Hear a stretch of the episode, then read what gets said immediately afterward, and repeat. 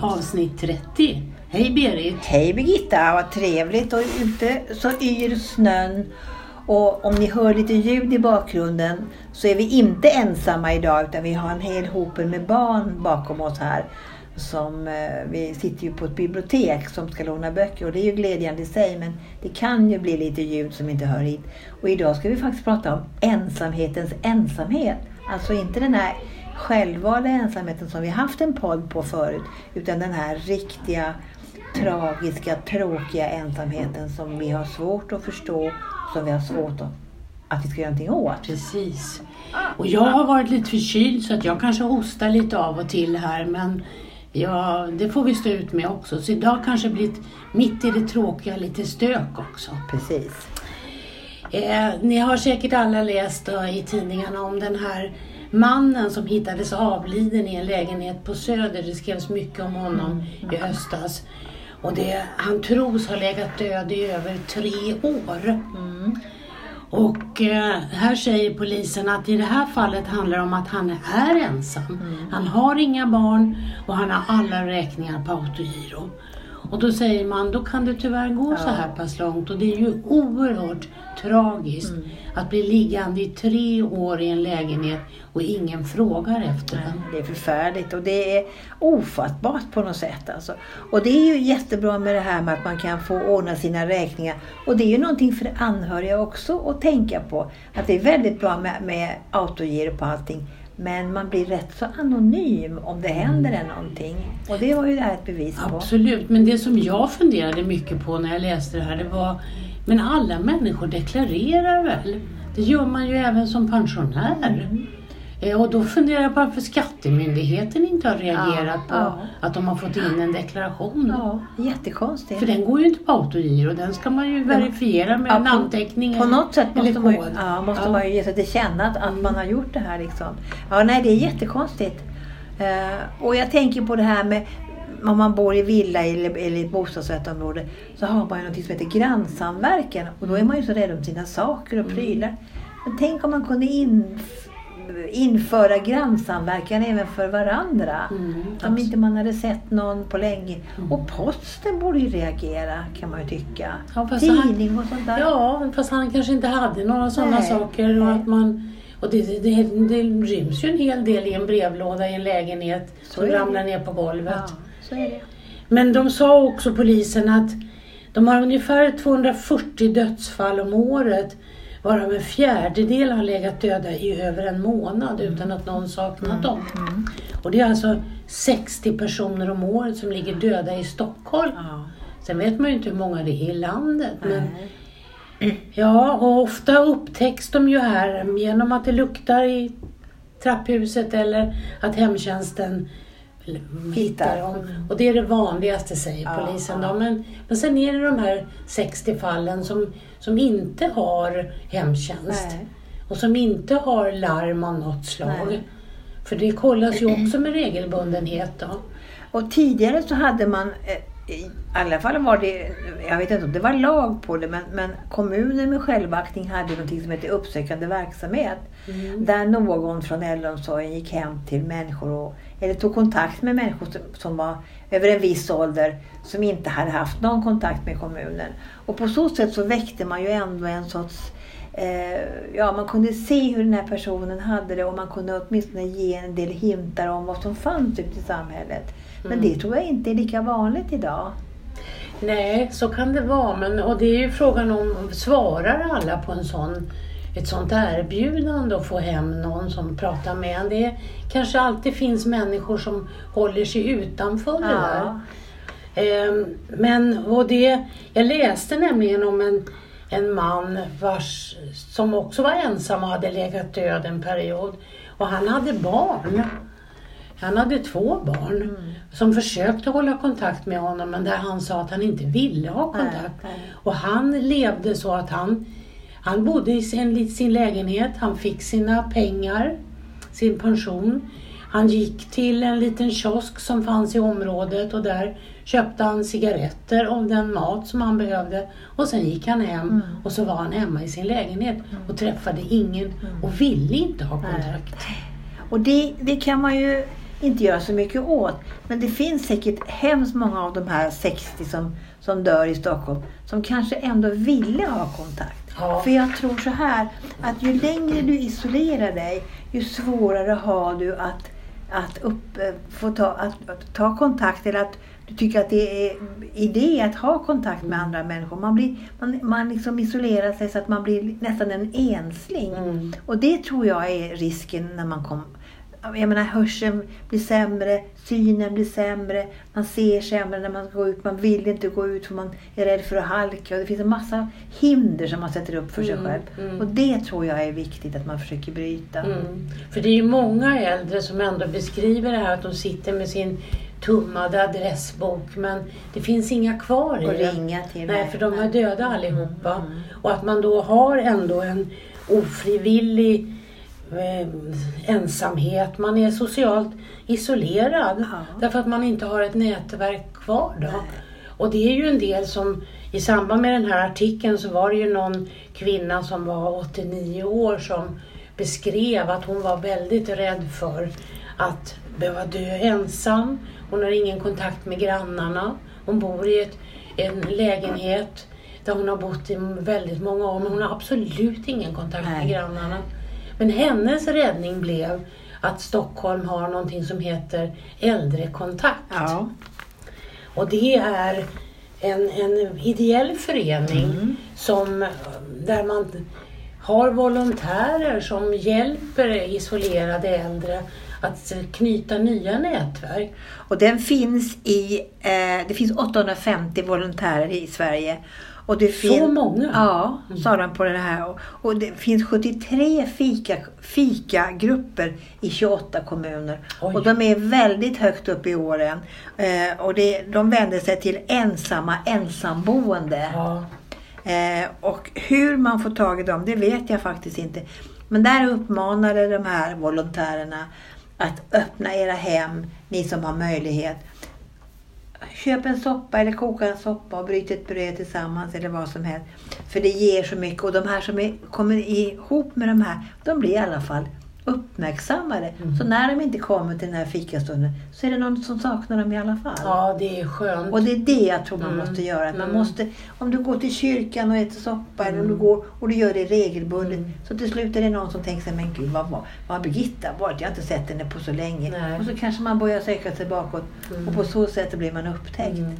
Mm. Och då kan man ju skapa nya kontakter också så man kan föra in dem i sin tummade adressbok. Ja. Så att man har någon ny Ja. att ringa till och hålla kontakt med.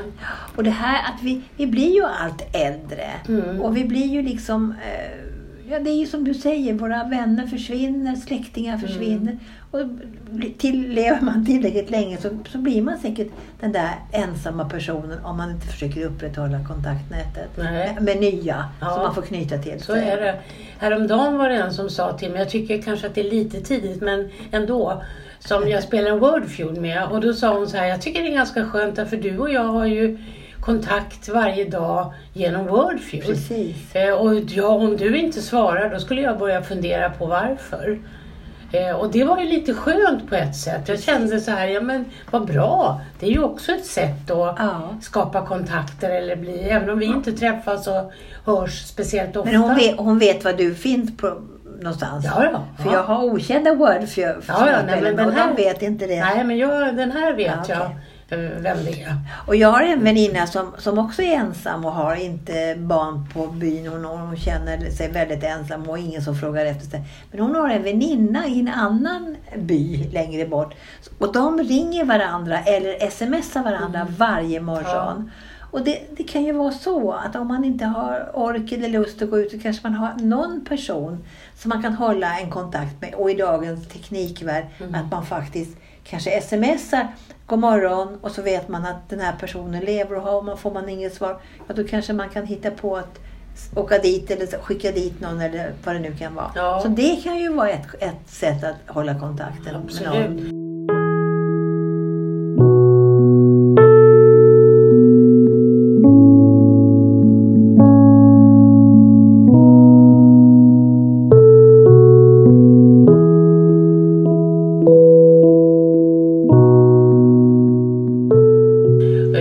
Absolut. Eh, I vissa kommuner heter trygghetsringning. Ja. Eh, och där, dit ringer man en telefonsvarare och säger sitt namn. Och så lyssnas det av och det är ofta en volontär verksamhet Ja. också. Lyssnas av vid lunch och så bockas man av på en lista. Och har man inte ringt så söker de någon som man har lämnat som kontaktperson Mm. som får söka rätt på den här. Då. Eh, det är ju också ett sätt att hålla koll. Det som jag kan tycka är lite tråkigt med det sättet som jag kunde läsa om det är att man har ju ingen kontakt. Man Nej. pratar ju inte med någon. Tänkte på det utan också. man pratar bara in på en telefonsvarare. Ja, och, och det, vi, det, I vissa kommuner har man ju haft den här trygghetslinjen att det är en fysisk person och ringer upp de här och pratar bort en liten stund. Och det är lite lustigt för jag tänker på när min mamma blev ensam och, och, och gammal.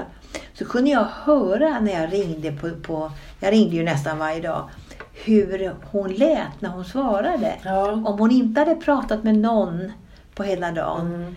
då hörde jag det på rösten. Men hade hon haft någon kontakt med någon annan utifrån, då lät hon annorlunda. Mm. Så det, är, det här med bara att prata med någon annan, om det så bara är i telefon, är oerhört viktigt också.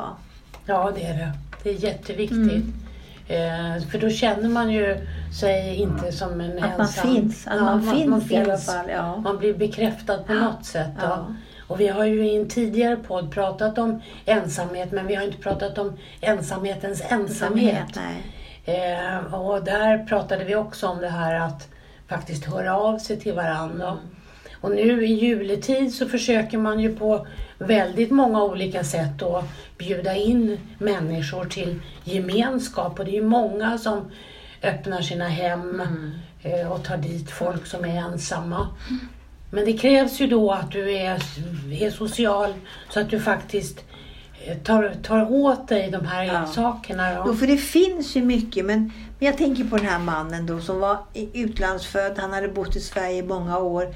Men han hade inget kontaktnät och han hade inga släktingar.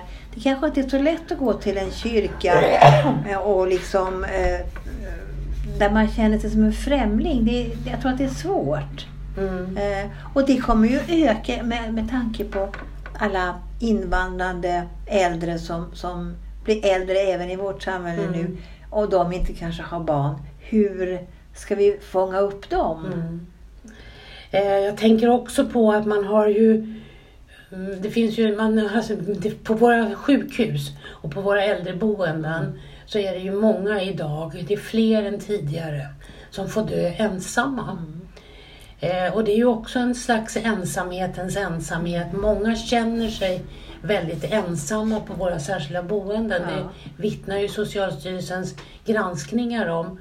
Men att man då också får ligga och dö ensam. Och man har ju också beskrivit det här att det är många som eh, begravs i ensamhet idag därför att man inte har tid att komma som anhörig. Man bor långt ifrån. Eh, och det är för bökigt utan då är det många som faktiskt begravs ensamma med bara en begravningsentreprenör i Ja. närheten. Och det är ju också skrämmande men det, det finns ju faktiskt en vi har ju i Sverige antagit det här att ingen ska behöva dö ensam. Men ändå så är det så Mm. att även i organiserade former Så får man så, dö ensam. så får man dö ensam. Och det har mycket med kostnader säger man. Ehm, ja, det kostar pengar. Förr satte man in vak, Mm. men det gör man inte i samma utsträckning idag. Nej, och det är, alltså, den här med ensamheten det är, det är ju skadligt för hela samhället. För att vi, vi, man tynar ju bara bort om man inte liksom får en, en mänsklig... Vi är ju ett flockdjur. Eh, och det, det, det här är förfärligt tragiskt. Och vi måste försöka bryta den och vi måste försöka vara... Jag tänker på det när man går ute på stan eller man tittar på en buss. Vi sitter bara där och tittar ner i våra telefoner istället för att man lyfter blicken och, och, och ser på den här personen mitt emot den. Eh, och, och att man ser varandra. Mm, det är jätteviktigt. Men hur ska man fånga in de här som är, som är så ensamma? Ja, är så. Som inte har släkt, vänner eller någon form av socialt nätverk. Nej, jag tror på det här med grannsamverkan även i de här hyreshusen. Att man kanske knackar på när man inte tycker att man har hört den här personen på länge. Man, att man vågar göra det. Att det är inget farligt att ringa på. Man kan inte få mer än nej, men du har i alla fall gjort ett försök. Jag tror att det är viktigt. Ja, och man kanske kan bryta en ensamhet på det sättet Ja. när det är någon som märker att mina grannar bryr sig faktiskt om Ja. mig och funderar över mig. Eh, och det vore väl väldigt bra. Och när man möts i trappan att man hälsar på varandra och har man inte sett varandra eller har man inte vet vem det är så kanske man frågar Bor du här i huset? Och jag har Mm. inte sett dig och jag heter si och så och jag bor där och där. Det vore ju någonting. Mm. Eh, att man försöker se varandra och vara intresserad av varandra. Ja, det är viktigt att vi är det. Mm. Det är det. Ja, det var ett svårt ämne så här i juletid, Ja. men det är ju ofta då som sådana här problem uppmärksammas Precis. också. Att det är väldigt många som inte har det här sociala nätverket och som inte orkar ta till sig av det som faktiskt finns att gå till. Då. Mm. För det, det skapas ju mer och mer sådana här ställen där man har öppna julaftnar och Mm. om det inte är julafton så är det juldagen eller så. Då. Nej, och som sagt var, de här frivilliggrupperna som, som eh, kommunerna har, de är jätteviktiga och jättebra att ha. Så försök, ni som sitter där ute i stugorna och lägenheterna, att ta till er allt det som finns. Och ni som är lite yngre, knacka på hos grannen och hör efter om, det, om, ni, om de, hur de mår och bara, bara visa upp sig. Hej, jag heter så och så och jag bor där och där. Mm. Det räcker oftast med det. För det, det räcker att man bryter kanske den ensamheten. Ja, och det finns ju också många kommuner som man på bistånd kan få något som heter måltidsvän. Ja. Där man antingen hemma hos sig äter tillsammans med en volontär. Och den som är volontär får sin måltid betalt men jag betalar min egen själv. Ja. Eller så går man ut på restaurang och äter tillsammans. Och det kan man få beviljat, alltså en måltidsvän. För att äta tillsammans med måltiderna är ju Viktigt. viktigt. Jätteviktigt. Ja, med detta får vi väl sluta för idag och önska varandra och alla er där ute en riktigt god jul och ett gott nytt år. Så får vi se vad vi hittar på till nästa år. Ja, god jul och gott nytt år. Ha det bra. Tillsammans. Hej då.